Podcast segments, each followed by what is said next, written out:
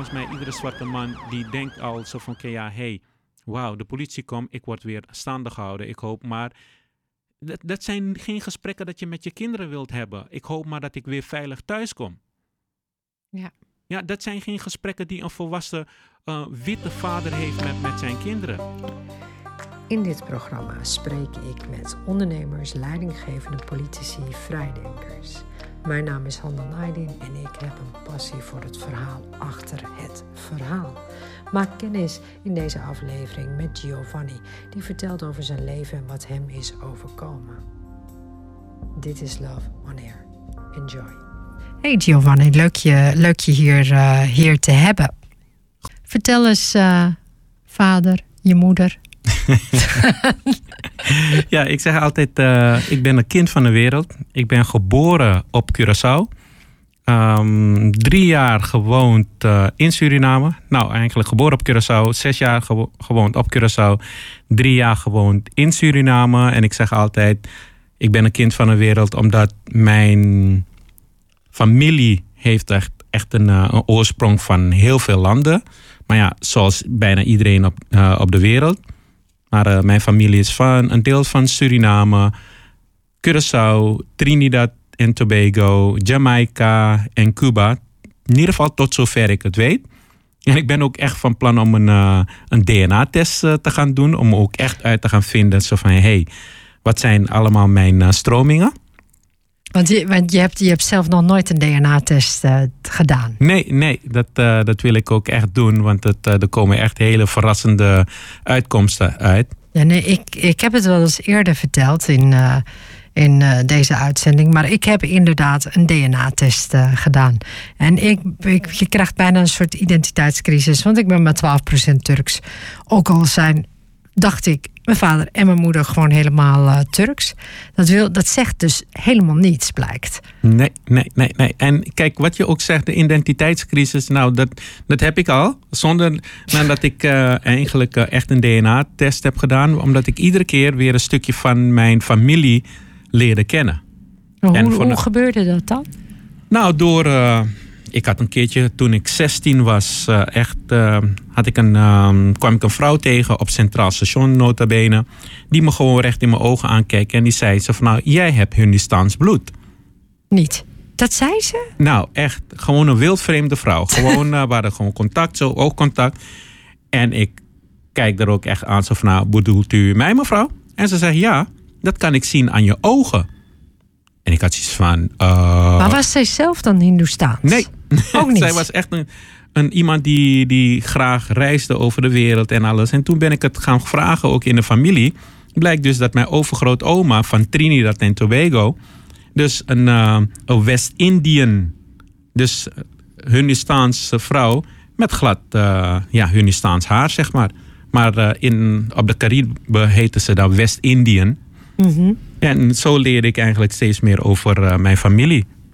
Zo kwam je elke keer een klein stukje bij je. Maar, maar dat was dus ook omdat anderen het blijkbaar herkenden, maar jij niet. Nee, nee, omdat ja. Kijk, eh, zoals je zelf zegt, uh, ja, je denkt, uh, mijn vader, mijn moeder zijn Turks. En ik ben gewoon Turks. Dus ja, je kijkt bijna niet eens verder. Totdat er steeds meer eigenlijk gerevealed wordt. Eigenlijk nou ja, steeds meer openbaard wordt, zeg maar. Ja, dat is waar. Nou ja, en ik heb wel, als ik dan in Italië loop, of in Frankrijk, of in Spanje, dat mensen altijd denken dat ik of Spaans, of Italiaans, of Frans ben. En uh, ja, en dan, uh, dan moet, ik ze altijd, moet ik altijd zeggen: nee, nee, nee, maar dat, ja, dat is altijd, geeft heel wat verwarring, laat ik het zo zeggen. Ja, alleen wanneer ik kijk, ik heb je vandaag dan natuurlijk ontmoet. Nou zou ik zeggen, qua lengte dat je absoluut natuurlijk niet in het toonbeeld valt van, de, van een, uh, een Spaanse of een Italiaanse. Ja, dan ben ik weer iets te lang, hè? Ja. ja. dat klopt, ja. Dan ben ik weer net iets te lang. Maar Turken zijn ook niet zo lang. Nee, dat, dus daarom. Dus je, je bent wel een, uh, ik een, denk dat dat andere een in de bijt. Ik denk dat dat een Nederlandse, uh, de Nederlandse melk is. Dat denk ik. dat, ik kan er echt niks anders van verzinnen. Maar ik moet wel zeggen, in Nederland was ik ook niet de langste. Mm -hmm. en, en in Turkije was ik inderdaad elke vakantie altijd weer de langste.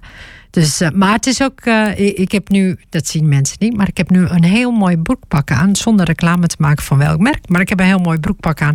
Daardoor lijk ik langer. En je hebt ook uh, aardige plateauzolen daaronder. Dat ook. dat ook. Maar dat komt door, dat komt door de. Jeetje. Jij hebt echt wel. Het, nou ja, goed. Maakt niet uit. je hebt en naar mijn schoenen gekeken. maar goed, maakt niet uit. maar. Um, maar vertel eens, uh, Giovanni, want jij bent uh, geen, uh, geen stranger in the music, volgens mij. Nee, ik, ik heb eigenlijk een hele brede achtergrond. En ja, met heel breed begon. Ja, ik heb nu een hele brede netwerk mogen opbouwen. Maar het begon dus eigenlijk op straat. Dansen op straat, electric boogie, breakdance. ik heb gewoon ook nog in Groningen gewoond hey, ik ook. Hè. Ik kom uit Groningen. Echt waar? Ik heb in Hoge Zand Sappemeer gewoond. Nee, dat meen je niet. Ga me geen rare dingen zeggen. Heb je... Ik heb niet in Hoge Zand gewoond, maar ik heb wel in Stadskanaal. Stadskanaal? Ja, en, uh, uh, en ik heb ook gewoon in de stad Groningen uh, gewoond. Oké, okay. nou ik heb gewoon gekorfbald ook nog. Dus laten we het nog gekker maken. Dat is inderdaad, is dat, hoe kom je in Hoogzand-Sappemeer terecht? Nou ja, uh, mijn moeder. Uh, mijn moeder uh, kende daar wat bekendes. En toen zij in Nederland kwam wonen, want mijn moeder woonde eerst in Nederland. Toen zijn mijn zusje en ik, ik ben de oudste thuis. En mijn moeder was altijd, is nog steeds altijd mijn grote voorbeeld. Moeder heeft ons, we hebben drie jaar in Suriname gewoond bij, bij mijn oma mijn zusje en ik. En toen zijn wij naar Nederland toegekomen, naar mijn moeder toe. En heeft mijn moeder ons ook altijd zo opgevoed. Zo van oké, doe je best. Zorg dat je aanpast. Je bent nog steeds een vreemde in een uh, ander land. Um, werk hard. Um, zorg dat je dus de taalmachtig bent. En dat, dat heb ik ook altijd zo gedaan. Dus ik heb altijd wel interesse gehad in, in heel veel verschillende dingen, zeg maar. En mijn moeder heeft altijd uh, laten zien. Maar als oudste thuis heb ik ook altijd eigenlijk mijn best gedaan om ook mijn moeder daarin te supporten. altijd van alles gedaan. Dus ik ben ook vanaf mijn begin twintig ben ik ook ZZP'er. En dus toen ben ik uh, mijn hobby's gaan volgen. En een van mijn hobby's was dansen op straat, electric boogie, interesse in muziek. Uh, interesse in, in, in mode en, en en mensen, zeg maar. Waardoor ik uh, in de, danswereld eigenlijk belandde. Vanuit een, uh, een ongelukje kan je bijna zeggen. Want ja, een van de jongens uh, waar ik mee danste, die uh, deed altijd jazzballet en modeshows.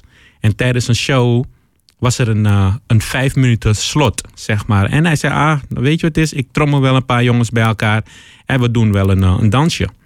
En dat was toen in de tijd van Michael Jackson en Janet Jackson. Dat Michael Jackson van die videoclips begon op te nemen. Die gewoon uh, ja, films waren. Ja. Dus het, uh, en het samen dansen begon toen. Dus echt het, uh, het jazz, zeg maar. het videojazz werd het toen genoemd. En um, wij gingen dat, wij werden heel veel daardoor geïnspireerd. En uh, die jongen, dan uh, Gerald van Wind heet hij, want sommige mensen kennen hem wel. Die zei van oké, weet je wat het is? We doen een choreografie in elkaar en alles ging fout. Alleen we hadden geluk dat er een balletschoolhouster in de zaal was. En we deden Bad van Michael Jackson. Die ook een choreografie had op Bad van Michael Jackson. En die had zoiets van, hé, hey, wacht even. Vijf gekleurde jongens, want ik zeg ook expliciet gekleurde jongens, want er was, was een Marokkaanse jongen erbij. Half Jamaicaans, half Nederlands, uh, Surinaamse. Dus we waren echt gewoon... Alle windstreken. gekleurd. ja. En uh, zij had zoiets van, hey, superleuk. Die jongens echt van de straat. En mijn balletmeisjes, daar ga ik een, dat samenbrengen. En dan kunnen we meedoen met uh, de Soundmix Show. Want zij had dus al de voorrondes van de Soundmix Show gedaan. En toen de, belanden wij plotseling op tv. En dat was uh, in 1988 alweer. Oh, wauw. En uh, toen zijn we ook nog tweede geworden. En toen ging het balletje rollen. Want ja, er wordt je steeds meer gezien. En het was ook bijzonder wat wij deden. Vijf gekleurde jongens die uh, synchroon gingen dansen. Het was exceptioneel toen in de tijd. En we hadden absoluut geen dansopleidingservaring of wat dan ook. En maar dit betekent, betekende wel, Giovanni, dat jij veel moest oefenen. Of begrijp ik dat goed? Ja, goed. Jullie waren dus echt veel aan het oefenen. Ja, repeteren, repeteren, repeteren. Dat was dus- ongeveer het enige. Dus je, je was dus ook wel heel erg gedisciplineerd om dat te doen, ook op die leeftijd. Nou, het was eigenlijk uh, tussen de bedrijven door. Um, want ik heb ook uh, bij de dienstplicht gezeten. Dus uh, het was tussen de bedrijven door gewoon je dansjes oefenen. En eigenlijk uh, kwamen we steeds verder. En hoe verder we kwamen, hoe meer lessen wij ook gingen nemen. Zodat we dan steeds technischer werden, steeds meer onderricht werden uh, voor het dansen. En zo kwamen we dan ook in de, de Nederlandse popgeschiedenis terecht. Dus uh, in de tijd van Tour Limited, 24-7, Teaspoon. Ik, heb zelf, ik ben ook onderdeel geweest van Teaspoon. En tot het nummer van um, Oh Lord, would you buy me a Mercedes-Benz? Ja. En uh, toen zat ik ook nog in een boyband. Toen startten we een, uh, een boyband. We hebben voorprogramma's gedaan van uh, Backstreet Boys. In Leiden toen. In, ik heb um, backing vocals gedaan met Lionel Richie. Ik heb opgetreden met René Vrogen, met Rutje Kort. Dus noem eigenlijk een artiest op internationaal, nationaal. En daar heb ik wel mee opgetreden of niet als backing danser of backing vocal of in de videoclip. Dus ik kan mezelf ook nog googlen en dan vind je me ergens in een uh, videoclip uh, voorbij schieten. Maar alleen niet lachen, want uh, het, de kleding was natuurlijk heel anders. De kleding was absoluut heel anders. Ja, dat, dat je die leuke dansjes hebt gedaan in eind jaren tachtig, begrijp ik dat goed? Uh, nou, het begon eigenlijk eind jaren 80 en het, uh, het had ook echt zijn hoogtijdagen in de jaren 90. Want ja, dat was toen ook de tijd van de uh, Nederlandse popgeschiedenis. Van, um, nou, noem maar een bandje op uh, van Teaspoon, 24-7, Two Brothers on the Fourth Floor. Um, maar je zei zelfs Lionel Richie, hè? Nou ja, Lionel Richie. Maar ja. hoe gaat dat dan? Hoe werkt zoiets dan? Dan ben ik dan altijd zo benieuwd. Hoe kom je nou bij Lionel Richie terecht? Nou, eigenlijk via de platenmaatschappijen. Het is uh, gewoon heel simpel. Wanneer dus de artiesten vanuit het buitenland komen. Toen de tijd had je nog uh, uh, pop-up, countdown, popformule en dat soort programma's. Mm -hmm. En dan via de platenmaatschappij werd er dan meestal een aanvraag gedaan. om om of backing vocals of um, support dansers. En dan ging je daar eigenlijk naartoe. Het, maar dan hadden ze je bijvoorbeeld al ergens anders gezien, als ja, ik dat goed het was begrijp. eigenlijk netwerken. Ja. Vanuit uh, je netwerk werd je eigenlijk altijd gevraagd. Uh, en je rolde eigenlijk steeds een stapje verder. En wij waren eigenlijk een van de, de eerste IT-dansers vanuit uh, Amsterdam. Ja. Met Manfred Langer. En de IT heeft natuurlijk um, heel veel um, ja, betekent eigenlijk in, uh, in, in, in de, de dance scene, in de gay-wereld, in, uh, in de danswereld, in heel veel uh, verschillende facetten. Heeft de IT eigenlijk heel veel deuren opengemaakt. Um, niet eens alleen in Nederland, um, sowieso Europa, maar ook delen van de wereld.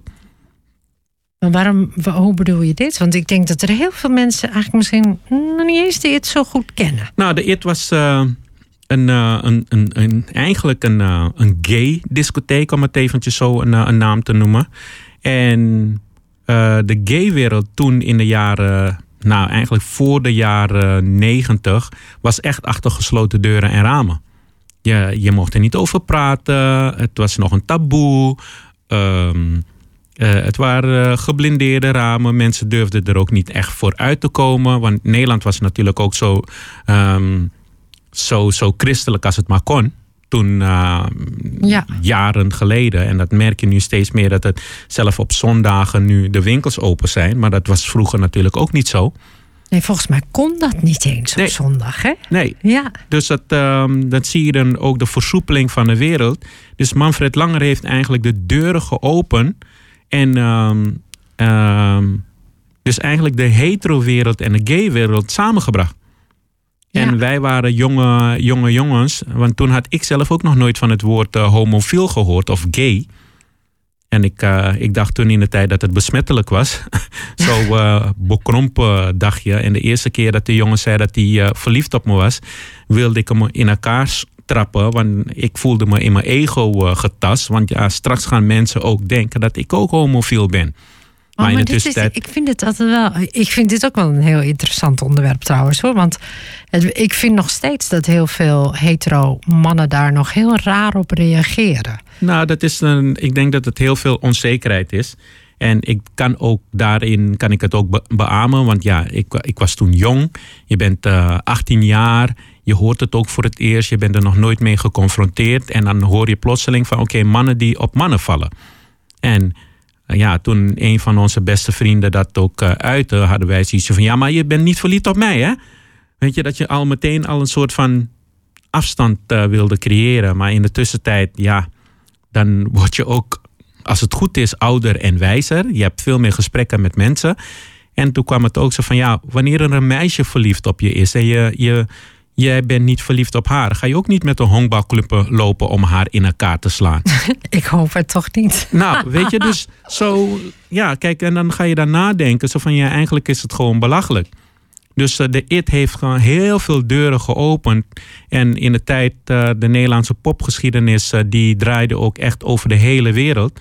Kijk maar naar Tour Limited, Benga Boys, LSDJ, Teaspoon, 24-7, Tour Limited allemaal Nederlandse bands. In de tijden van uh, eh, DJ Sean um, en heel veel uh, DJ's ook uh, van die tijd. Um, zelf Gerard Joling, want ik heb ook. was Gerard Joling ook in het buitenland? Ja, Gerard Joling was wereldberoemd. Ja, nee, omdat hij ooit. Hij heeft ooit een Engels nummer ook gezongen. Of dat was buy me a ticket to die, precies. Was hij daar zo, zo... Hij was wereldberoemd. Ja, Gerard, ja, ja.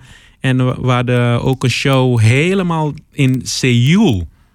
En, en eh, daar was jij bij, ja, zou je zeggen? Ja, uh, we, we, hebben in stadions uh, hebben we opgetreden. Um, in Brazilië. Ik, ik heb nu in mijn leven dus nu 44 landen mogen reizen. En heel veel van die landen waren doordat ik artiest was. En honderden steden over de hele wereld heb ik gereisd. En in sommige landen meerdere steden. En uh, je kan bijna zeggen, in Nederland uh, of in Europa is er bijna geen, geen stad waar ik niet ben geweest. Dus zo hebben we dus eigenlijk um, ja, heel veel gedaan. Of ik heel veel gedaan. Maar zoals ik zei, ik ben altijd een duizendpoot geweest. Want in de tussentijd was ik ook uh, doorgerold in, in een sportwereld. Was ik ook aerobic en fitness instructeur. Ja. En ik was dan ook nog kapper. En ik heb jarenlang gevechtsporten gedaan. Kickboksen, taekwondo, pinchak silat en noem maar op. Wedstrijden gedaan. Dus zo deed ik eigenlijk in verschillende gebieden... heb ik dus nu een netwerk opgebouwd... Uh, waardoor mensen mij op verschillende vlakken kennen. Ja, ik begrijp het. En, uh, maar, maar bijvoorbeeld, ga nu eens nog eens even door. Hè? Dus, dus je, je zit met uh, Gerard Joling, zit jij in Seoul, in Zuid-Korea... En, hoe gaat dat dan? Ja. Weet je, hoe werkt dat dan? Kom je daar aan? Weet je, want ik ben dan heel erg benieuwd. Hè? Wat, wat gebeurt er? Je komt daar aan met het vliegtuig. En ga je dan meteen richting het hotel? En moet je dan meteen de volgende dag optreden? Nee, hangt er vanaf. Meestal uh, zijn het tournees. En um, uh, in, kijk, bijvoorbeeld uh, in dat geval waren we met, ben je dan met meerdere artiesten. Kijk, dan waren we bijvoorbeeld ook met Snap. Uh, waren ook uh, met uh, eh, DJ Bobo, met Toon Limited, Teaspoon. Dus jullie waren met z'n allen? Ja, we waren dus met dus gewoon, gewoon een, een, een hele Het was een concert van, ja. met verschillende artiesten van verschillende landen toen. Die eigenlijk toen of een top 10 hit hadden. Of, um... Maar dus ook mensen uit Frankrijk of uit Engeland. Ja. Dus die kwamen zeg maar allemaal bij elkaar. Ja, die werden dan geboekt dan tijdens één grote show. En het was uh, echt een, um, een, een, grote show dat vaak ook vanuit Nederland eigenlijk ook nog georganiseerd werd. En zaten jullie ook allemaal dan in, in hetzelfde hotel? Ja, ja. Dus iedereen zat in hetzelfde hotel, dus jullie zagen elkaar ook? Ja, we kenden elkaar ook toen. Dus Ik heb kwam, ook... we kwam, jullie kwamen elkaar tegen elke keer ook in een andere stad? Ja, ja. dat is ook, dus jullie, je had eigenlijk een soort wereldje in een wereldje. Ja, kijk, het is ook een kleine wereld. Want uh, je draait je twee keer om en je komt elkaar gewoon weer tegen. En ik heb ook uh, de vijf uur show gedaan met, uh, met, met Gerard Joling, uh, koffietijd. Ja, maar als jij de vijf uur show doet met Gerard Joling, leg eens uit, dan ben je daar aan het zingen? Ben je daar aan het dansen? Ja, ben je daar aan het presenteren? Wat doe nee, je dan? Nee, we zijn dan echt de backing, de backing van Gerard Joling. Oké. En eh, dan ben jij eigenlijk ehm, bewegend decor. En dan eh, doen we dus een stukje backing vocals, een, eh, stukje dansen. om eigenlijk het, de act eigenlijk volledig te maken.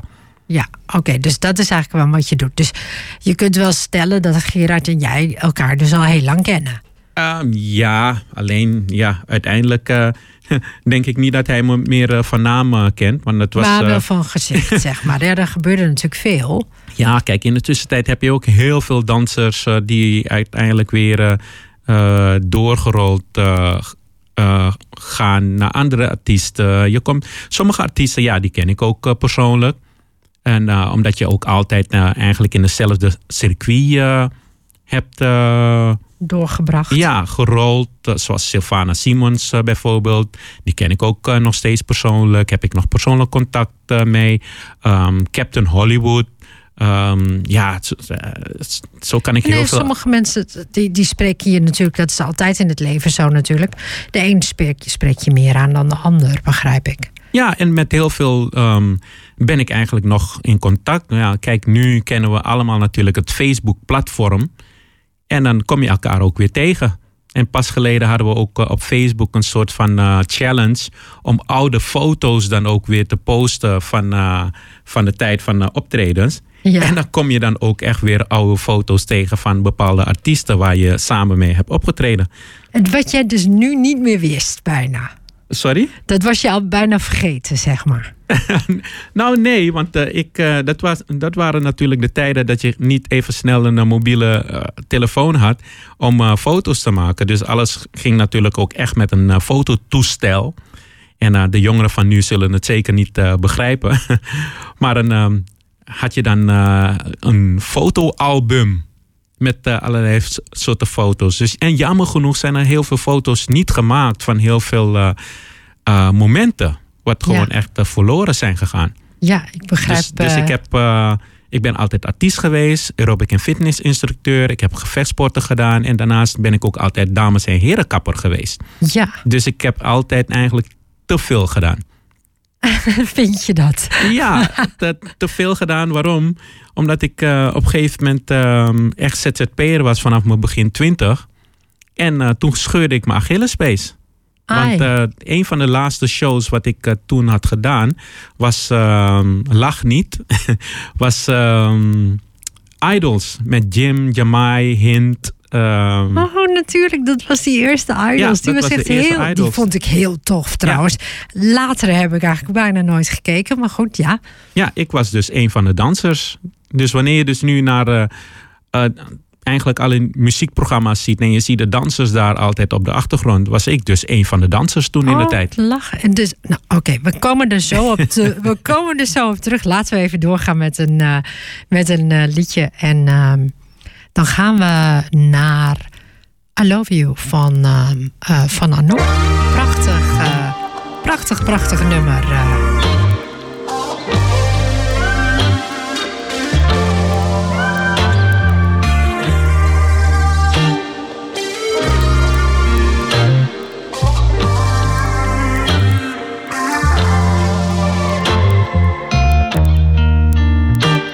Still unsure of what our future holds. Gotta let go of things we can't control. Yeah, in the darkest hours of the night, I wonder what's the best use of our life. I got what you want and then some more. I got what you need and then some more. With every rising moon, I know I was born for you. And baby, you got what I want and then some more. Yeah, you got what I need and then some more.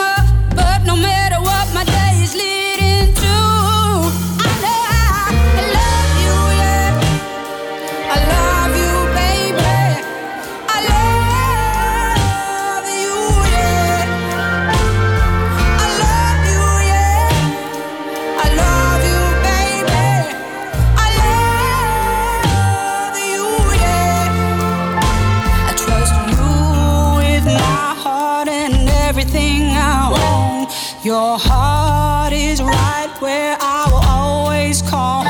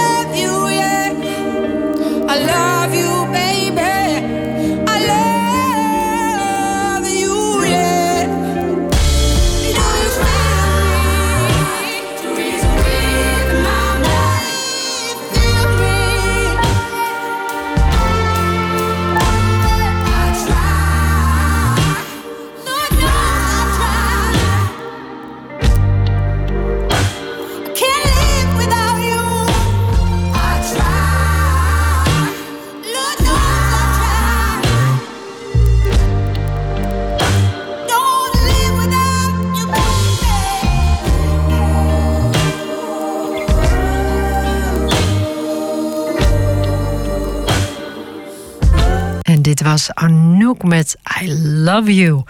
Anouk is ik blijf er altijd echt een fantastische zangeres uh, vinden. Ze heeft een mooie stem en het is ook echt gegroeid in de, in de jaren. Um, haar eerste plaatjes waren echt heel anders, vind ik. En nu, het moment dat ze nu iets maakt, vind ik het wel enorm, uh, enorm raken. Uh, je luistert naar Love on Air. Mijn naam is Handan. En ik heb altijd mensen tegenover me zitten waar ik iets dieper in ga op hun leven, op uh, hoe ze eigenlijk zijn geworden, wie ze zijn geworden en op de dingen die natuurlijk die ze hebben meegemaakt. Dus ik ben zelf, er zit een grote passie van mij. Ik ben gewoon heel erg nieuwsgierig. Dus ik, ja, ik vraag altijd graag, uh, graag door. Love is er bijna elke maandag. Um, als je het weer terug wil horen, je zit in de auto of je denkt, hé, hey, ik hoor maar een heel klein stukje, kun je altijd naar Spotify of naar een ander um, platform waar ze podcasts hebben. Tik je Love on Air in en dan zul je zien, daar staan alle afleveringen. En dat doe ik inmiddels toch, nou, ik ben nu al denk ik op mijn vijftiende aflevering uh, of iets uh, dergelijks. Dus luister vooral, hartstikke leuk. Um, dan ga ik eigenlijk, uh, dan ga ik weer door. Want ik heb tegenover mij, heb ik Giovanni Adriaan zitten. En we waren weer terug. Hi Giovanni. Ja, hallo. Hallo Hanan. hallo luisteraars. je was aan het vertellen over, uh, over eigenlijk je hele carrière. Een beetje hoe je achtergronddanser uh, bent geweest. Maar je zei ook dat je op een gegeven moment iets kreeg met je Achillespees. Begrijp ik dat goed? Ja, ik, uh, ik deed te veel. Ja. En uh, ik was, uh, zoals ik zei, vanaf mijn begin twintig was ik ZZP'er. En mijn moeder heeft me altijd geleerd van nou oké, okay, zorg dat je goed aanpast, hard werkt. En dat is eigenlijk wat we ook meestal ook leren. Um, zorg dat je een goede opleiding hebt, een goede baan, zodat je ook echt mee kan gaan in de maatschappij. Um, en je gewoon goed aanpast. Dus dat leren we dan ook vanuit huis uit. We worden eigenlijk niet meer gestimuleerd om lekker te gaan zoeken wat onze eigen passie is. Dus, zeg, zeg, je nou, we worden, dat worden we niet of werden we dat niet? Nee, dat worden we nog steeds niet. Dat worden we nog steeds niet, nee, vind je? want uh, mensen worden gewoon geïndoctrineerd en geprogrammeerd om, om, om te gaan werken voor een ander. Terwijl vroeger had iedereen een eigen ambacht. Je was kapper, je was dokter, je was bakker, je was boer. Noem maar iets op en, en je was gewoon zelfstandig. Ja. En na de industriëling ging iedereen eigenlijk steeds meer voor een ander werken. Dus mensen worden, werden eigenlijk steeds meer in een bepaald hoekje gedouwd. Dat je dus niet meer eigenlijk uh, ja, zelfstandig meer uh, je eigen business kon starten. Dus waardoor mensen dus uh, nu vanuit een bepaalde vrees eigenlijk uh, maar narstig op zoek gaan naar een baan. Ja, ja maar dus, om de vrees is dat je, dat je niet voor jezelf kan zorgen. Ja, dat, dat, dat is eigenlijk een dat is een valse leugen. Want uh, laten we nu kijken naar de, de afgelopen 17 weken van de coronatijd. Um, terwijl een werknemer is op zoek naar zekerheid. Nou, hoeveel zekerheid hadden mensen nu? Volgens mij in Nederland alleen zijn 700.000 mensen hun baan kwijtgeraakt. Ja, dat is zeker zo. Ja. En dus hoeveel zekerheid hadden de mensen? Dus wanneer je dus nu um, in, in deze tijden um, geen coronaproof uh, inkomen hebt, ja, dan verlies je gewoon je, je, je vrijheid. Waarbij mensen dan zich opgesloten voelden. En ik had zoiets van, nou nee hoor, ik ben veilig thuis. Ja. Weet je, dus het is maar wat je perceptie is uh, op de wereld. En ik heb heel veel gereisd over de wereld. Dus ik heb heel veel. En ik ben altijd geïnteresseerd in, in mensen. Dus ik heb altijd ook uh, um, contact gehad met mensen wereldwijd. En ik uh, ben ook best wel taalgevoelig. Dus ik, ik vind het ook altijd heel mooi. Dus ik heb ook heel veel dingen gezien van de wereld en mogen zien van de wereld. Dus ik heb altijd mezelf ook bewogen, eigenlijk in het stukje van vrijheid. En ja, um, ja toen ik mijn Achillespees scheurde, belandde ik zeven maanden thuis. En uh, ja, als ZZP'er, ja, je dacht, uh, oké, okay, je bent in controle, want je bent uh, een specialist in een bepaald veld. En ja, ik was dan nog steeds tijd aan het inruilen voor geld. Maar dat doe je ook als een ZZP'er of een, als een werknemer. Werk je niet, verdien je geen geld. Ja. En als een ZZP'er werk ja, je hebt een hoger uurtarief. Maar werk je niet, dan verdien je nog steeds geen geld. Ja. En ik belandde dus zeven maanden uit de running met een gescheurde Achillespees. Nou, dan kan je geloven wat er gebeurde dus met mijn eh, schulden. Die eh, werden Die werden torenhoog. Ja, die werden dus, ja, want je vaste lasten bleven Ja. doorgaan, maar er kwam geen geld binnen. Want Ja. als jij danst, ja, dan. eh, Dus Ja, ik had ook nog een eigen kappersconcept waarbij maar ik... je kon ook niet staan, dus. Nee, ik, ehm, ik heb toen, nadat ik geopereerd was, heb ik de dag daarna heb ik mezelf ontslagen uit het ziekenhuis. Omdat ik eh, in de ochtend vroeg, om 7 uur in Horen, had ik nog een bruid. Die moest je dus eerst nog kappen. Ja, eh, vertel maar op een bruid op, eh, op hun trouwdag. Ja, sorry, ik heb proefmodel al met jou gedaan. Make-up, haar en de bruidsmeisjes en vader, moeder. Ja, sorry, ik kan niet meer komen. Oh, wauw. Dus, dat, je, dus je bent gewoon de volgende dag ben je gewoon nog steeds gegaan. Ja, met mijn knie op een kruk. En eh, toen heb ik dat eh, dan toch gedaan. En toen eh, heb ik eigenlijk ontdekt van nou, we zijn niet zo goed voor ons eigen gezondheid. Ja, Want we geven iemand anders beter advies dan dat we zelf volgen. ja, dat is wel echt, volgens mij geldt dat voor elke beroepsgroep. Ja, zeker. En zo leer ik eigenlijk steeds. nu ben ik holistic health en wellness coach. En, en netwerker, zeg maar. Ik ben heel goed in, in, in connecties leggen met, eh, met mensen. Omdat ik, ja, zoals ik zeg, ik ben geïnteresseerd in de mens. Ja. Dus in mijn 41 jaar hier in Nederland heb ik ook eh, ja, van alles meegemaakt. En heel veel zien veranderen, maar ook heel veel niet zien veranderen. In, in Nederland. En, en ja, wat bedoel ik daarmee? Ja, dat is natuurlijk de vraag die ik had. ik hoorde je al denken. Ja, En de luisteraar ook. Wat bedoel ik daarmee? Ja, ik, ehm, ik woonde in Hoge Zandstappenmeer. Toen Ja, we in, in Nederland kwamen wonen. dat is echt het allerraarste verhaal. Het is hoogstandstappen. En gewoon, de mensen gaan het gewoon niet. Weet je, gewoon het feit dat ik gewoon geboren ben in Muntendam. Weet je, het, out Dus, of all eh, je. Grunnings. Ja, nou, dat is iets wat ik dus niet zo goed kan. Dat is ook wel grappig. Ik kan niet zo goed Gronings praten. Oké. Maar, ehm, maar ik, heb wel, ik kan wel knauwen. Als ik heel moe ben, dan zit er een kleine knauw in. Want Ah. sommige mensen denken wel eens van... dat is haar Turkse accent. Nee, nee, nee. Ik ben gewoon in Nederland geboren. En, ehm, eh, maar goed, over, en dus in Muntendam geboren. Ik ben het eerste Turkse, eh, Turkse kindje in eh, Groningen. in Nou, dan heb jij dat ook natuurlijk meegemaakt. Zo van ja, dat jij wel, ehm, ja, misschien toen in de tijd heel erg nagekeken werd. eh, ehm, misschien dan toch een beetje als anders gezien werd. Ja, je bent natuurlijk ook anders. We zijn allemaal anders en uniek. Nou ja, in Groningen moet ik wel eerlijk zeggen. Nou, maar ik, ik, heb, ik ben heel lang blond geweest. Hè? Dus laten we even. Ik ben dus. En mijn moeder. Ja, heeft ook geen hoofddoekje of zo. Mhm. En die is ook heel licht. En heeft ook hele, die heeft hele groene ogen. Dus het was. ehm, maar toch was je wel anders, inderdaad. Dat denk ik wel, ja. En vooral ook Stadskanaal waren wij de enige. Weet ik nog wel. Dat we gewoon. Er waren geen andere. eh, niet eh, dan Nederlanders. Maar het had ook wel. Het had, het had zijn nadelen. Dus dat je werd uitgescholden wel eens. Maar het had ook zijn voordeel. Nu vind ik het een voordeel dat ik. Ons Nederlands. Ik heb nog een oudere broer en een oudere zus. Ehm, ons Nederlands is gewoon. Ja, wij, wij spreken alle drie heel goed Nederlands. Ja, ja, ja. en dat, dat was ook eh, wat mijn moeder ook wilde. Dat wij gewoon ehm, goed Nederlands gingen praten. Pas je aan. Mhm. En eh, dat eh, in mijn achterhoofd heb ik ook altijd eigenlijk zo bewogen. Ja. En ja, da- daar kan natuurlijk ook heel veel van gezegd worden. Want hoe goed, Nederlands, hoe goed je Nederlands ook is, eh, in sommige gevallen blijf je toch nog steeds een buitenlander. Ja, maar, maar vertel, kijk, ik weet niet of dat bij jou zo was hoor. Ik bedoel, bij ons, kijk, wij, wij zijn natuurlijk. Mijn ouders waren gastarbeider. En die. ehm, eh, dus bij ons was het verhaal: we gaan weer terug. Ja, ja. En, ehm, en wij als de kinderen wilden dat totaal niet. Want je bent. eh, je, je groeit op in Nederland en je hebt Nederlandse vriendjes en vriendinnetjes.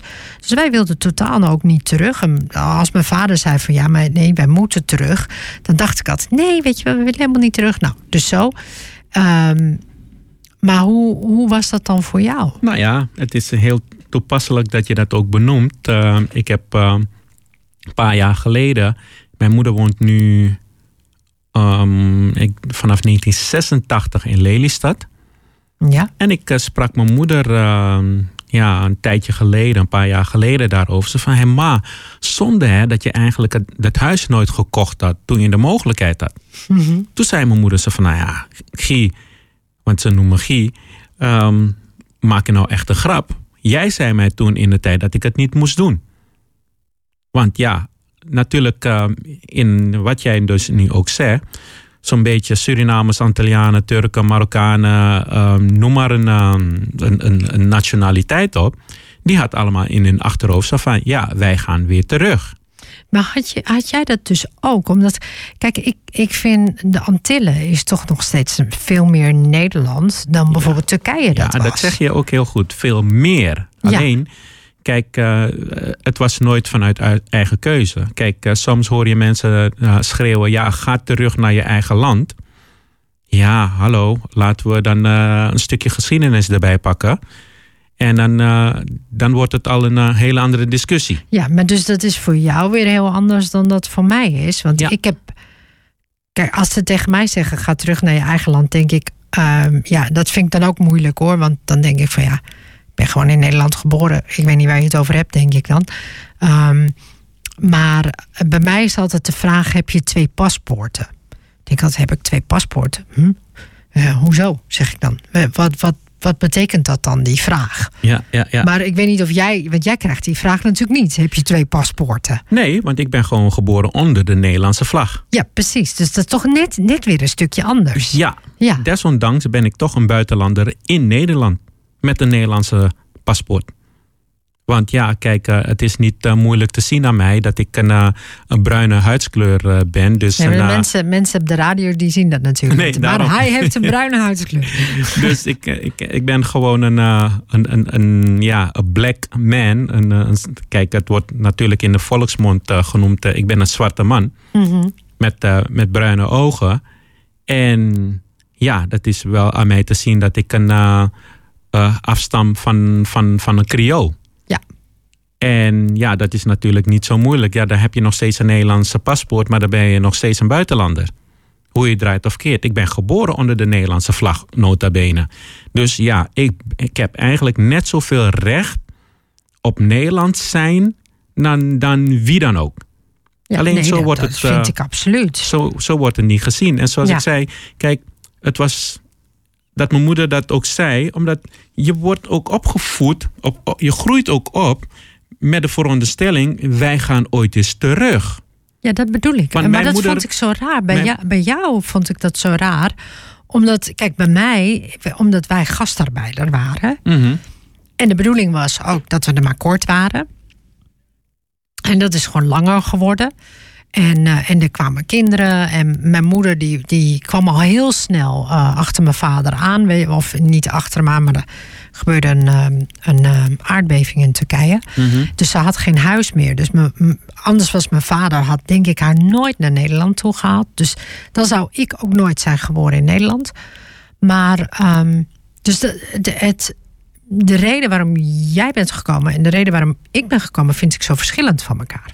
Ja, het, het, het is zeker ook zo. Kijk, ehm, eh, eh, de reden eh, dat, we waren, dat wij zijn gekomen, nou, ik zal je eerlijk zeggen, mijn moeder had nooit de intentie om hier in Nederland te blijven. Want mijn moeder kwam alleen maar op vakantie.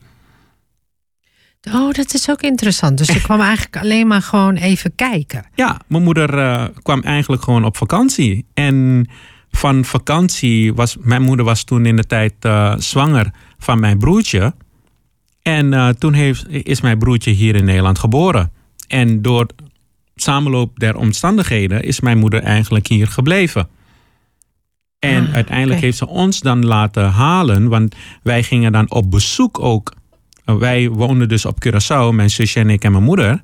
En wij gingen op bezoek na- naar mijn oma, die toen eh, verhuisde ook naar, eh, naar Suriname. Oh ja, dat Waar is ik dus eh, verhaal. mijn ooms en tantes hadden, had en zo. En wij gingen op bezoek eh, naar de familie. En we Ja. waren eigenlijk op doorreis van Suriname. Zouden we op vakantie komen in Nederland en weer teruggaan naar Curaçao.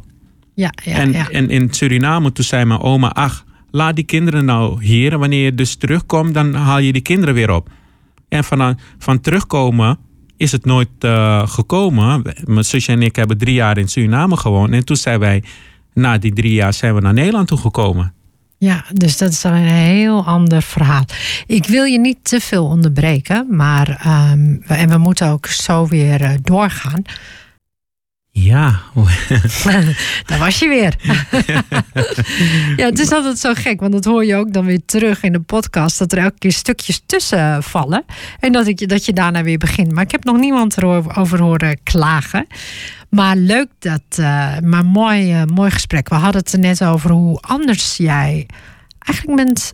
Uh, ja, dat je eigenlijk hetzelfde zoals ik dat een beetje heb, met, uh, met mijn ouders in Nederland ben gekomen. En dat jij ook eigenlijk altijd het idee hebt gehad dat je hier niet weg zou gaan. Maar je bent wel gebleven.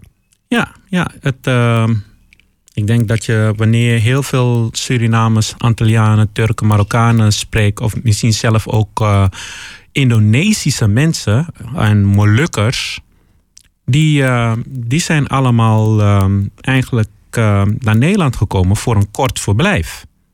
Ja. En, en ook nog met heel veel beloftes. Welke beloftes bedoel je dan? Nou, um, de Nederlandse regering heeft uh, heel veel beloftes gemaakt, ook vaak uh, aan de gastarbeiders. Um, de Marokkanen die de grachten hebben gegraven in Amsterdam. De, de, de, de Molukkers die naar Nederland toe zijn gekomen om te werken, ook als gastarbeiders, die eigenlijk uh, uh, verzorgd zouden worden. Ze zouden weer teruggaan naar de Molukken en naar, naar Java en dat soort uh, dingen. De Turken. Alleen ja, uiteindelijk. Ja, weet je, kijk, weet je wat ik vind? Hè? Ik bedoel, als, als, ja, als de Turkse, weet je, dan.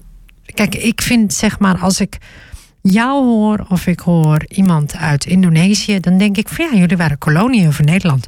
Jullie hebben zoveel recht ook om op dit land te zijn, of in dit land te zijn. En dan moet ik eerlijk zeggen, bij mezelf kan ik daar nog wel eens over twijfelen. Dat ik denk van ja, weet je, ik ben ook maar een soort import. Um, maar aan de andere kant, ik ben hier wel geboren en ik ken niks anders. Ja, dat, uh, dat, dat kan best wel een, uh, een, een, een heftige discussie uh, vormen. Ja, want als ik naar Turkije ga, en ik geloof niet dat mensen dat echt nog weten. Als ik naar Turkije ga, ben ik dus niet Turks. Nee. Het is echt, ik weet niet of jij dat ook hebt, maar ja, hoor. ik heb echt, dus als ik in Turkije ben, dat mensen echt zeggen, die, die zeggen wel eens, dan, dan wil ik wat, dan zit ik in een restaurant, wil ik wat bestellen. En dan zitten ze me aan te kijken en dan zeggen ze dus ook van, waar heb je Turks geleerd? Zeg ik van, van mijn vader en mijn moeder, zeg ik dan. En dan is het, oh, dus je bent Turks. Maar het, dat, dat besef is, blijkbaar beweeg ik anders. Want ja, ik bedoel, jij ziet mij, ik ben redelijk donker. Um, dus het is, maar blijkbaar beweeg je anders. Dat heb jij dus ook. Nou, je, je beweegt anders, je ziet er anders uit. Uh, mensen zien gewoon dat jij anders bent. Weet je, je bent dan weer eigenlijk in jouw eigen geboorteland. Ben jij dan nu weer een, een buiten. Oké, okay, ja, in jouw geval, jij bent hier in Nederland geboren. Ja. Alleen wanneer ik weer terug ga naar, uh, naar Curaçao, ben ik geen, uh, geen Curaçaoenaar. Maar eigenlijk is dat toch heel triest. En eigenlijk Snap je dat? Het is, is gewoon ook heel, heel triest, triest. Want ja. eigenlijk hoor je nergens meer bij. Ja, want dat is, want, dat is wat er een beetje gebeurt. De, je... Nederlander, de, de, de witte Nederlander zou roepen: ja, ga terug naar je land. Oké, okay, ja, ik ga, het, ik ga het niet generaliseren, maar uh, wanneer je dus met de rechts in aanmerking komt of uh, in aanraking komt, ja, die zal dan roepen: ja, ga terug naar je land. Op het moment dat jij iets uitspreekt wat hun dan uh, niet, niet uh, aanstaan, roepen ze dat maar al te snel. Maar ja, ja, dat, dat, is geen, dat is geen discussie voeren. Dat is gewoon onmacht hebben over een, een, een echt, um, echt gesprek voeren of een echt discussie te voeren. En want op zich, want je bent best wel um, makkelijk in het praten over dit, dit onderwerp, hè? begrijp ik dat. Uh, weet je, want je, je, weet, je weet er best wel wat vanaf. Uh, want, want hoe. Weet je, heb je, er, heb je daar wat over gelezen? Hoe, wat heb je gedaan? Nou ja, heb ik erover gelezen. Ik, um, in mijn 41 jaar hier in Nederland heb ik volgens mij allerlei soorten vormen van discriminatie waar meegemaakt. Uh, aan, aan de lijve. Maar laat, laat ik nou eens even. Ik, kijk, ik moet het zo zeggen, omdat ik natuurlijk gewoon nu jou spreek hier is het echt discriminatie? Noem, noem eens een paar dingen. Nou ja, eigenlijk uh, heel simpel. Um, uh, vroeger geweigerd worden aan, aan de deur bij een discotheek. Omdat je dan plotseling dan, geen, geen lid bent van de discotheek. Terwijl je dan met een witte vrienden dan loopt. En dat die dan wel naar binnen mogen, maar jij niet ja, dan kan je, kan je jezelf heel veel gaan afvragen. Maar ja, oké, hoe noem je het dan? Maar is er, gebeurt het dan één keer of gebeurt het dan vaker? Gewoon structureel. Dit is gewoon structureel, is ja, hoor, Dat, het, uh, dat je eigenlijk al uh, praktisch niet meer weg wil gaan, zeg maar, wanneer, er, wanneer je naar bepaalde clubs toe gaat. Vroeger omdat er, dan omdat er, gewoon, omdat er gewoon de kans bestaat... Dat je dat, al geweigerd ja, werd aan ja. de deur. Oh, wauw. En dat zie je al zien aankomen. En dat, uh, dat we het dan op een gegeven moment dan gingen polsen, gingen meten. Dat je dan in verschillende groepen dan, uh, uh, dan naar binnen probeerde te gaan. En dat dan de ene groep dan wel naar binnen mocht. Dan was je bijvoorbeeld met twee, drie auto's. Want vroeger had je dus echt van die megadiscotheken hier zelf ook in Nederland. Uh, om een paar te noemen. Uh, de Morgenson, uh, Bob's Uitgees, Bob's Saloon. Nederland had toen echt van die grote discotheken. En dan gingen we wel eens echt ja, gezellig op pad. Want ja, je, als je, je als je ook uit echt Stadskanaal, uit. Als je uit Stadskanaal komt, ging je niet naar dat soort grote discotheken, geloof ik. Nou, kijk, Misschien wel. Oh, ik dus ik weet niet. niet. Ik dus kijk, niet, had, blijkbaar. Je had de Morgenson in het noorden. Je had, Nog uh, nooit van gehoord, weet je, dat? Je had, um, uh, zo, uh, je had Skopje. Skopje was heel erg ja, beroemd eigenlijk in het noorden. nou toch? Skopje Harkstede, Skopje ben ik ook Emmen. dus nog nooit geweest. Hè? Maar goed, ik, de, de rings a bell, maar nog nooit geweest. Ja, dus Ja. je had dan... uh, je had ook echt wel uh, bepaalde plaatsen... waar je dan ook echt... Uh, en toen had je ook nog zondagmiddaguitjes. Weet je, dat je zondagmiddag naar de disco ging. Ja. Weet je, dus... Um, uh, of heel simpel, kijk, uh, het is al een jarenlange discussies en mensen vinden nu steeds meer, ja, maar het is maar een kleine groep die daarover aan het zeuren is.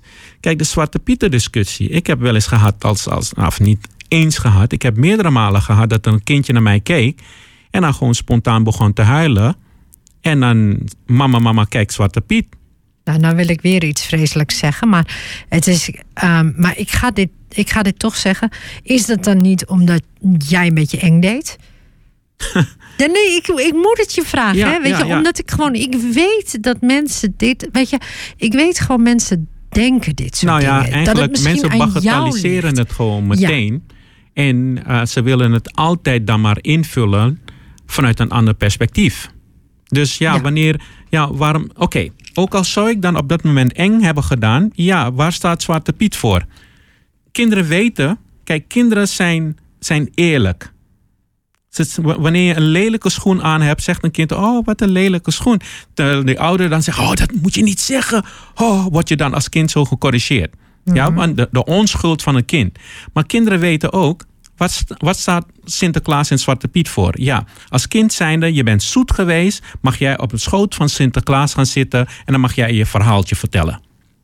Ja? Ja. En dan werd je dan beloond door de knecht die dan het cadeautje kwam aanbrengen Ja, werd je, was je stout, dat, was, dat is in, in zo'n beetje alle kinderliedjes ook zo, was je stout, kon je dus in een zak meegenomen worden en gestraft worden door de roe. En het kind weet het hele jaar door dat hij stout is geweest. ja. Dus het kind ziet dan een, een, een, een- een zwart persoon tegenover zich. En die denkt zo van, oeh, wacht even, ik ben stout geweest. Straks gaat die persoon mij straffen. Want dat is Zwarte Piet. ja, ja, ja, ik snap Dus wat je bedoelt. Kijk, Dus uiteindelijk... jij, dus jij zegt eigenlijk van. ehm, maar dit is niet alleen wat jou overkomt. Dit is wat heel veel mensen met een donkere huidskleur. Kijk, dit soort verhalen verzin je niet. Nee, precies. Nee, maar het is gewoon. Het, kijk, ik heb tien jaar in Zuidoost gewoond, eh, gewerkt, bedoel ik niet gewoond. Maar ehm, ik, ik ben daar er heel erg bewust van geworden. Ik wist al dat. Voor mij was dat het ook al een beetje een, een feest wat, wat ik niet zo goed begreep, altijd.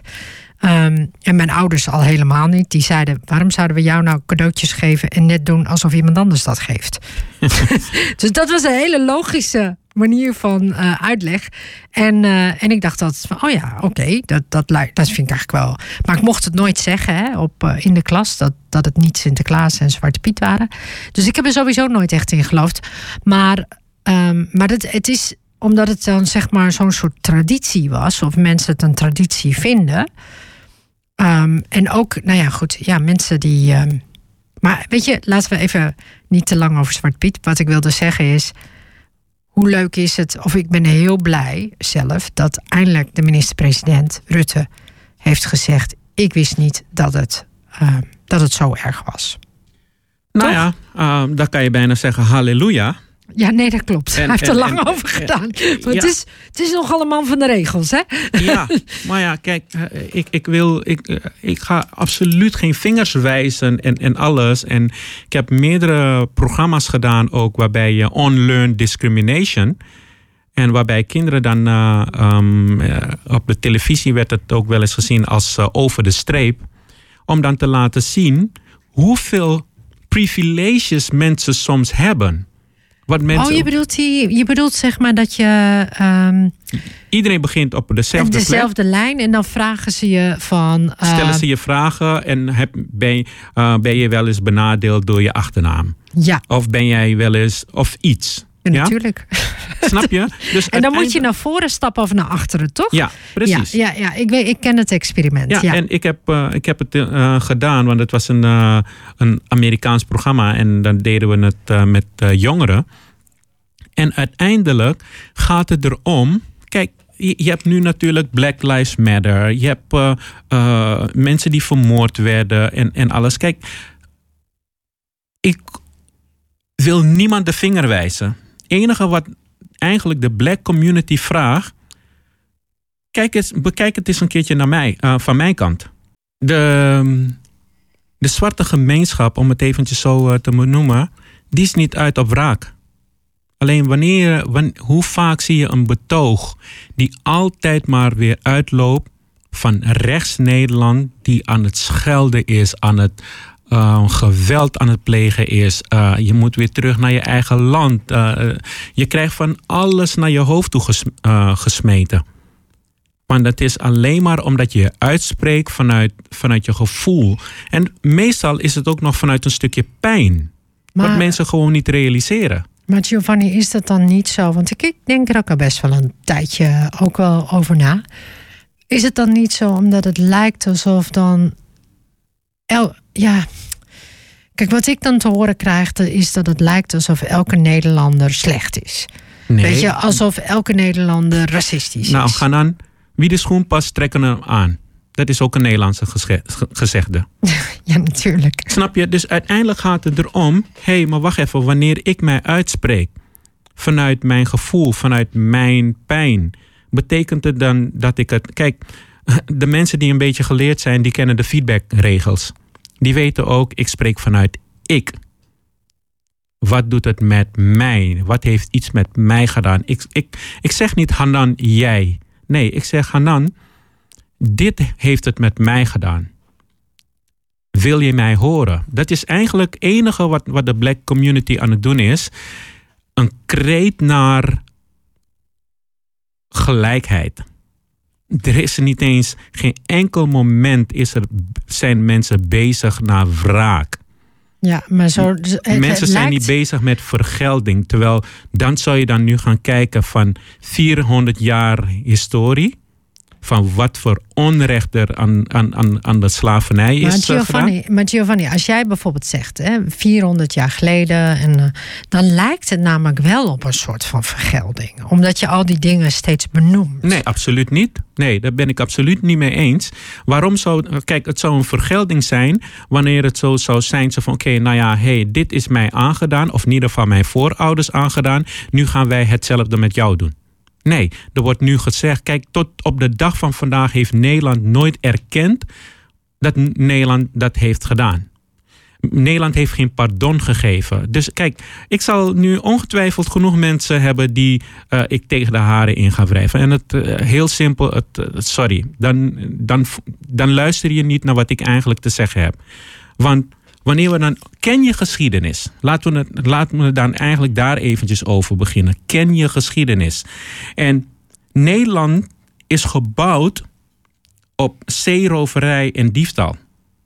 Ja, maar dit wil toch geen land horen? Nee, maar, je nu maar zegt, dat is nou, maar wees Bedoel, dan het- wel gewoon Als, eerlijk. als, als, zeg maar, als ze tegen mij zeggen dat Turkije bijvoorbeeld, dat de Turken de, de, de Koerden uitmoorden. dan zeg ik ook nee, dat is helemaal niet zo. Dat zit veel moeilijker in elkaar, zeg ik dan. Ja, nee, maar kijk, maar Toch? nu noem je dan ook iets. Alleen, we, we kennen allemaal de geschiedenis over de slavernij. Het is niet iets wat we dan Ja, kunnen maar zeggen. dit van- is, dit is maar de vraag of dat echt zo is. Want Is- ik denk is dat, dat heel zo? weinig mensen echt die, die, eh, dat kennen. nou, Want laten het we is het dan, niet genoeg in mijn, de mijn opa, geschiedenis. mijn opa is 91 jaar. Mhm.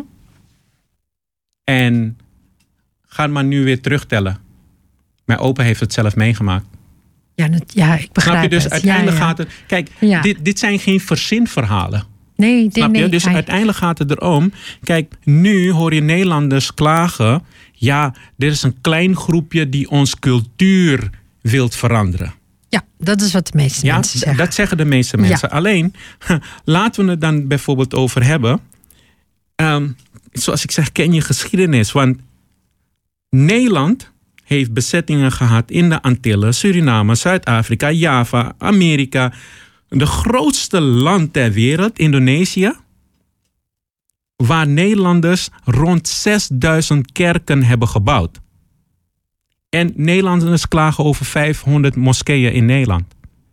Ja, nee, I get it. Ik Snap je? het. Dus, Maar kijk, het is, het is, eh, heel veel mensen zien, zien dat dan nu heel erg in deze tijd en zeggen dan van, ja, maar dat was toen, dat is nu niet meer. En ehm, ja, het is, Precies. en, en, en het doet natuurlijk ook, ja, hoe zeg je? Het doet ook wel een beetje pijn om elke keer op de vingers te worden getikt of zo. Oh, nee, heb je geen nee. zin maar, in. Maar, maar, dat, maar dat is niet op de vingers tikken. Dat is nog steeds. Kijk, wanneer iemand een moord eh, voor zijn ogen ziet, heb je ook een, eh, een proces nodig om daar doorheen te gaan. En wanneer jij eh, met een psycholoog aan het praten bent, ben je dan steeds iemand op de vinger aan het tikken of ben jij jouw eigen pijn aan het verwerken? Daar mag je jezelf eh, om, om eh, vragen. Zo van, oké, ben je iemand op de vinger aan het tikken? Nee, jij bent gewoon aan het uiten van, hé, hey, dit is mijn pijn. Ja, maar weet je wat, wat Oké, het maar wacht even. Ik, weet je, wil je geconfronteerd worden met een pijn? Wat gebeurt er 5 mei ieder jaar? Ja, nee, tuurlijk. Oké, maar is ja. dat een confrontatie van wat er met de Joden is gebeurd? Maar we kunnen wel ieder jaar de Jodenherdenking doen. Maar de zwarte gemeenschap mag zich niet uitspreken en dan ben je een zeur. Ja, maar nee, dan wordt, dan wordt er gezegd dat er wel kitty kotti is. Oh, maar, nee, maar wacht even. Kitty Kotti is geen nationale eh, ehm, ehm, Vrije dag. vrije dag.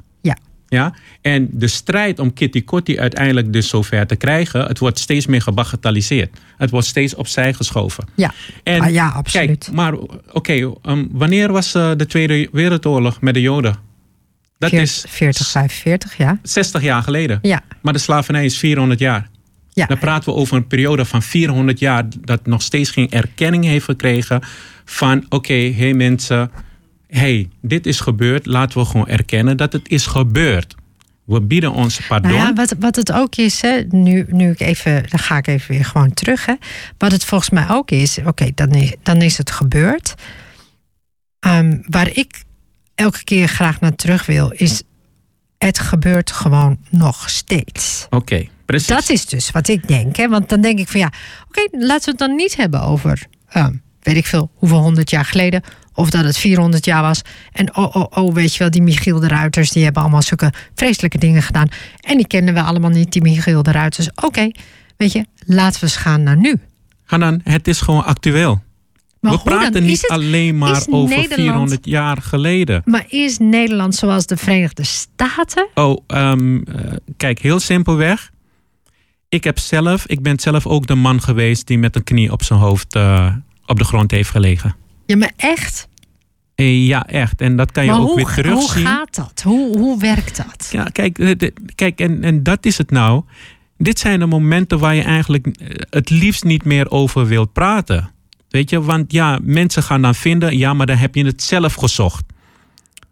Ja, Kijk, weet je, ik- het Nederlandse gezegde, waar rook is, is vuur. Ja, tuurlijk. Toch? Kijk, heel simpel. Waar rook is, is vuur. Waar een, eh, een, een, een politieman jou al ziet. En jij bent met een witte vrouw. En jij wordt eruit ge- eh, gekozen. En op een bepaalde manier behandeld. Ja, wat, welk, welk rook wil je dan eh, zien? Welk vuur zie je dan? Niet. Dat Dus hoe, op dat hoe- moment. la- la- leg me eens uit, hoe ging dat? Dus jij bent in een auto, jij rijdt. Nou, en dat is het nou. Ik reed niet eens. Jij rijdt niet. Nee. Oké, dus jij zit in de We- passenger seat. We Wat gebeurt er? Ja. Dus, eh, kijk, eh, in Brabant, we stoppen. Ik ben met een vriendin van mij. En zij wil mij een mooie stuk zien van, van haar, haar provincie. Een kasteel. Wij stoppen de auto, zij stopt de auto. We stappen met z'n tweeën uit. En op hetzelfde moment draait er een politieauto achter ons.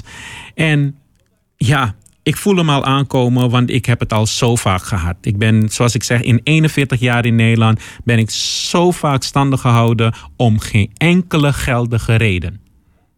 En dat kan ik ook zeggen, geen enkele geldige reden, gewoon puur op basis van je kleur. Want ik kan niet een. een Mhm. Of tenminste, dat is nu wat jij zegt. Het, je kunt geen andere reden bedenken dan dat dat, dat het dan maar is. Nou, sorry, kijk, het moment dat je standig gehouden wordt, is de politie verplicht om jou een, een feitelijke feit mede te delen. Waarom je standig gehouden wordt. Mhm. Ja? En wanneer zij geen geldige feit is en gewoon zegt van ja, omdat ik jouw legitimatie wil zien, ja, dan is dat geen geldige feit. Want dat staat niet in het strafboek of de wetboek. Maakt niet uit. Ja? Uiteindelijk, we worden standig gehouden en ik word gevraagd, van nou ja, ik groet ook altijd. Nou, dat heb ik ook geleerd van mijn moeder. Goedenavond. Ja, mag ik je legitimatie zien? En ik eh, zeg ja, dat mag u zien. Kunt u me vertellen op basis van welk feit? En de agent in, in kwestie zegt ze van nou, omdat ik het vraag. En ik zeg van oké, we hebben toonplicht in Nederland, maar we hebben geen draagplicht. Dus op het moment dat de politie mij staande houdt, hoort een politie mij te vertellen welk feit. En dat staat gewoon openlijk in een wetboek. En dat kan je gewoon zo weer terugvinden. En heel veel mensen weten het niet. Maar ja, hey, ik zei al 41 jaar in Nederland, dus mag het wel zijn dat ik eh, heel veel van Nederland ken. Dus, en ik deed ook een radioprogramma. En die week hadden we ook een item over standaardhoudingen van de politie. En ik had alle feiten had ik gewoon in mijn telefoon. Dus ik lees de feiten op aan de, aan, eh, aan, aan de agent. Je wa- jij was eigenlijk al voorbereid op je eigen radioprogramma. En Eh, dus nou ja. kon, je, kon je dat gewoon in ieder geval oplezen. Ja, ga ik, door. ik kon eigenlijk. eh, ehm, eigenlijk was het meer van: oké, ja, hey. ehm, de, die politieagent had gewoon pech dat hij mij staande hield. Want ik, ik kende mijn rechten. Je zou bijna zeggen dat het karma was. Maar goed, ga ja, door. dan was het Ja. karma, maar het was zijn, eh, zijn pech. Oké, uiteindelijk, ehm, eh, lang verhaal kort. Ik eh, lees de feiten op en hij zegt zo van, omdat ik het zeg. Ja, Ja, maar, maar, maar dat is geen, geen feit. Dat, dat is, is gewoon een machtsvertoon. Ja. Misbruik maken van jouw functie. En toen zei ik hem ook, kijk, niet zo lang daar daarvoor was eh, Mitch Enrique in, eh, in Den Haag vermoord. Ook door de politie. En ik spreek het ook gewoon zo uit, vermoord door de politie. Want we zien het gewoon te vaak gebeuren van mannen van mijn kleur die het niet levend eh, afbrengen. En toen zei ik ook, en het- toen sprak ik dat ook uit, ik voel me nu bedreigd en niet veilig. Dus ik kies er Dus nu je voor. hebt gewoon gezegd, ik voel me bedreigd en niet veilig. Ja, ik voel me nu bedreigd en niet veilig. Dus ik kies er nu voor om dit te filmen. En hij slaat mijn telefoon uit mijn hand. Kijk, op, de politie hoort jou, jouw vriend te zijn. De politie hoort er ook zijn voor mijn bescherming.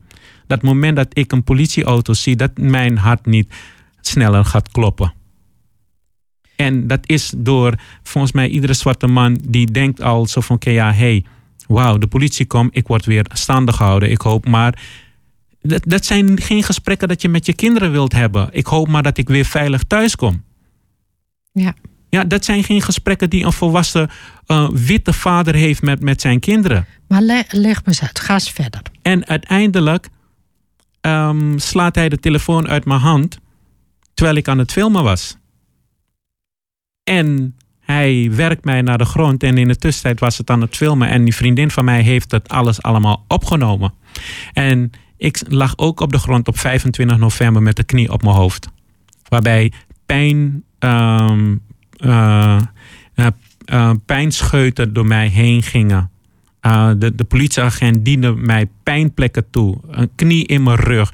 Een elleboog in, in mijn nek. Zodat ik maar um, mee ging werken. Terwijl ik alleen maar bleef praten van waarom word ik nou aangehouden? Kunt u mij een feit vertellen?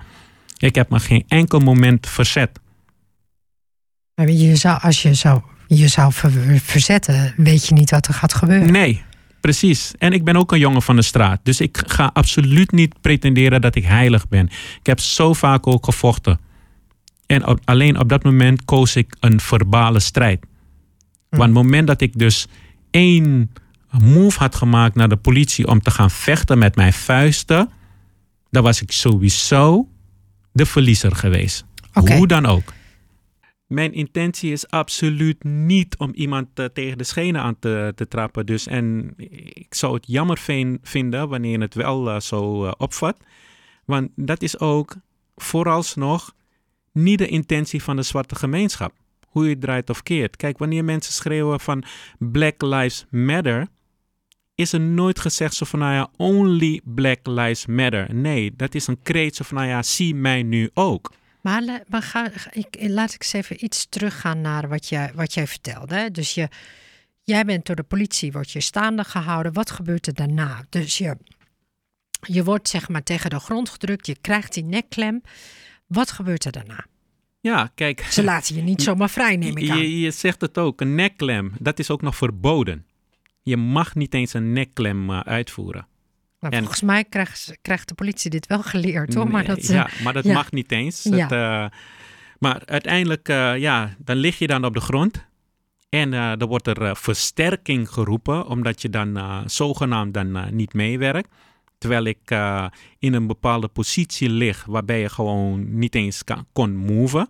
En ik ook weet, ook uit, uit de gevechtsport, op het moment dat ik dan juist zou tegenspruttelen, dan had de politieagent dus nog meer reden om dan te vinden zo van ja, hé, hey, ik ga jou pijn doen.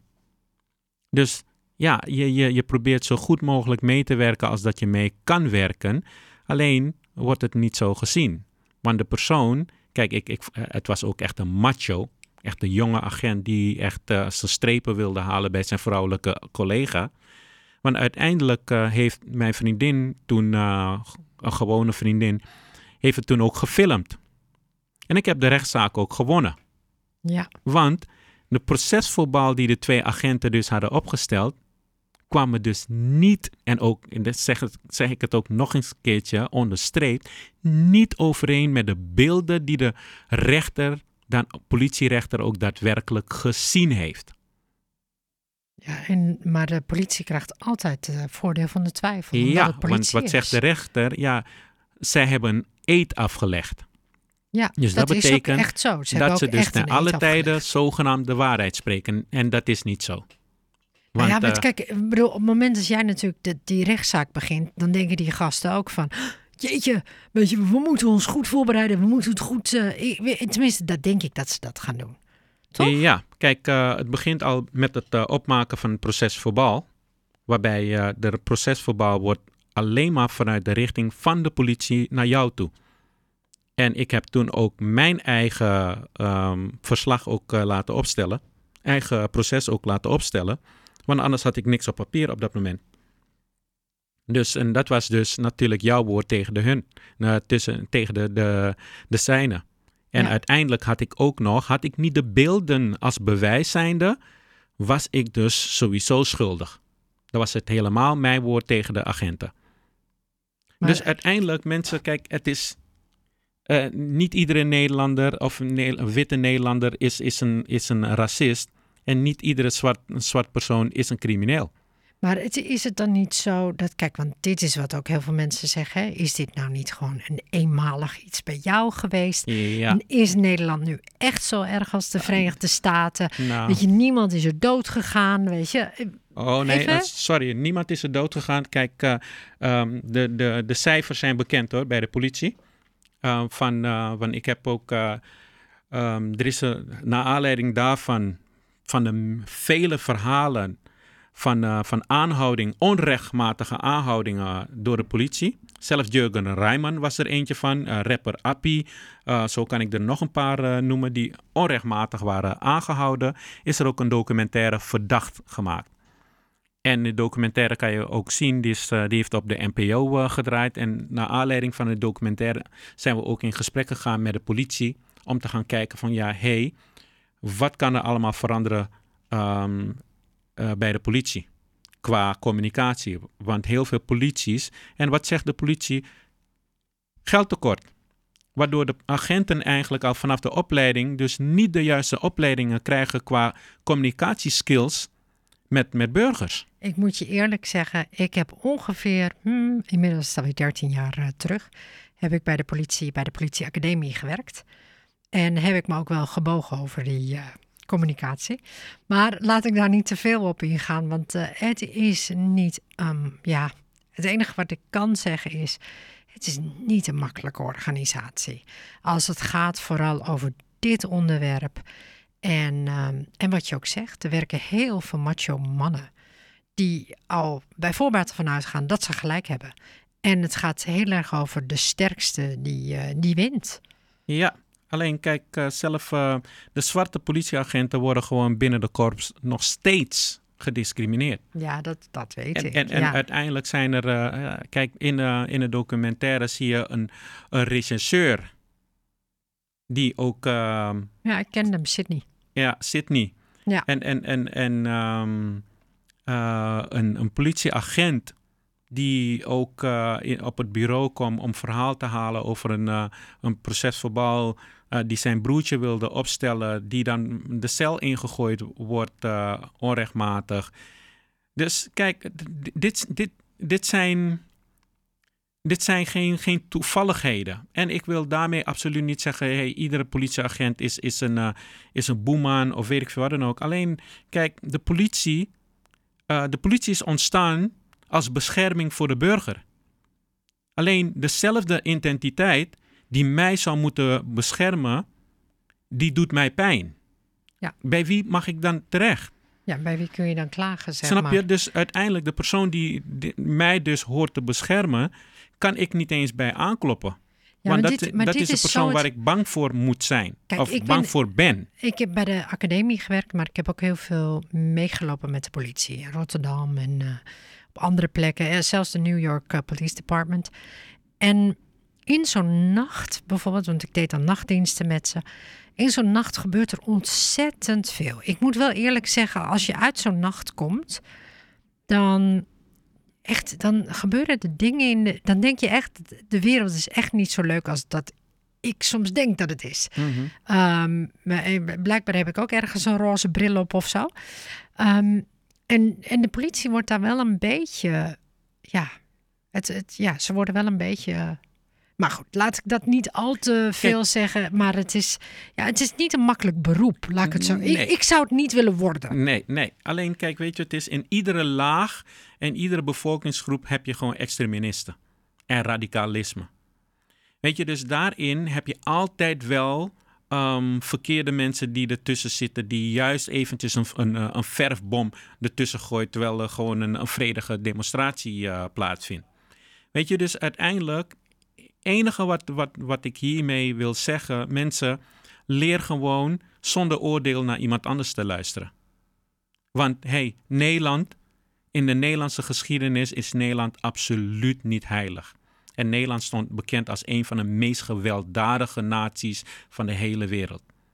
Ja, enige wat het is, nu leven we in 2020. Natuurlijk, kijk, wanneer we achteruit kijken, kijken wij achteruit om te leren, zodat het niet zichzelf weer gaat herhalen. Ja, Ja, waarom herdenken we 5 mei? Zodat er niet weer een jodenvervolging komt. Zodat we dus de mensen kunnen herdenken die het wel hebben meegemaakt. Ja. Waarom is is, is er een, wordt er gesproken over de slavernij? Zodat we het met z'n allen ervoor kunnen zorgen dat het niet gebeurt. Ja. Mensen, er is gewoon witte privileges. Dat, dat is gewoon een feit. Weet je, je, je hebt gewoon een bepaalde voorrang. Kijk, ik ook als een man zijnde heb ik ook een voorrang eh, op jou, Hanan. eh, wanneer ik bijvoorbeeld eh, naar een bepaalde baan zou, zou solliciteren. Ja. ja. Dus het is gewoon een feit. Dus laten we het niet onder stoelen en banken schuiven en doen alsof het niet bestaat. Het enige Ja. wat het is, leer te luisteren naar een ander. En die andere is jou niet aan het beschuldigen. Want jij hebt het niet gedaan. Jij was niet de, de slaventemmer. Alleen, zoals ik zei, mijn opa is 91 jaar. Dus dan tel maar nog een paar jaar erbij. En dat is dus gewoon 100 jaar geleden dat hij heel veel veranderingen heeft meegemaakt. Dus ga je me dan ook zeggen van ja, hé, hey, dat was een, een verzinsel. Ik heb het niet verzonnen. Nee, ik snap, ik snap helemaal wat je bedoelt. Ik vind dit ook een prachtige afsluiting. Ehm, Giovanni, ik wil je heel erg bedanken over dit onderwerp waar we volgens mij niet genoeg over kunnen praten. Want het is, eh, het is eigenlijk heel erg snel gegaan. En ja, ik denk dat jouw persoonlijke verhaal ehm, ja, mensen eigenlijk aan het denken moet zetten. Dus bij deze heel hartelijk eh, bedankt. En ehm, laten we kijken hoe, eh, hoe het eh, nu in de toekomst gaat. En ik hoop dat dit, dat dit hele, dat het, dat het wel, wel gaat, gaat veranderen. Ja, en als afsluiting wil ik gewoon zeggen: kijk, jij, de persoon die meeluistert, ehm, is het fijn dat je gewoon jouw stem zelf ook laat horen. Heb jij het gevoel van: hey, ik heb bepaalde privileges? Sta dan op voor de persoon die niet die privileges heeft. Maakt niet uit of het nou iemand is die in een rolstoel zit, die heeft bijvoorbeeld ook minder privileges. Sta dan op en help die persoon. Maar dit is ook wel mooi om te zeggen van laten we niet zo eh, egoïstisch eh, zijn.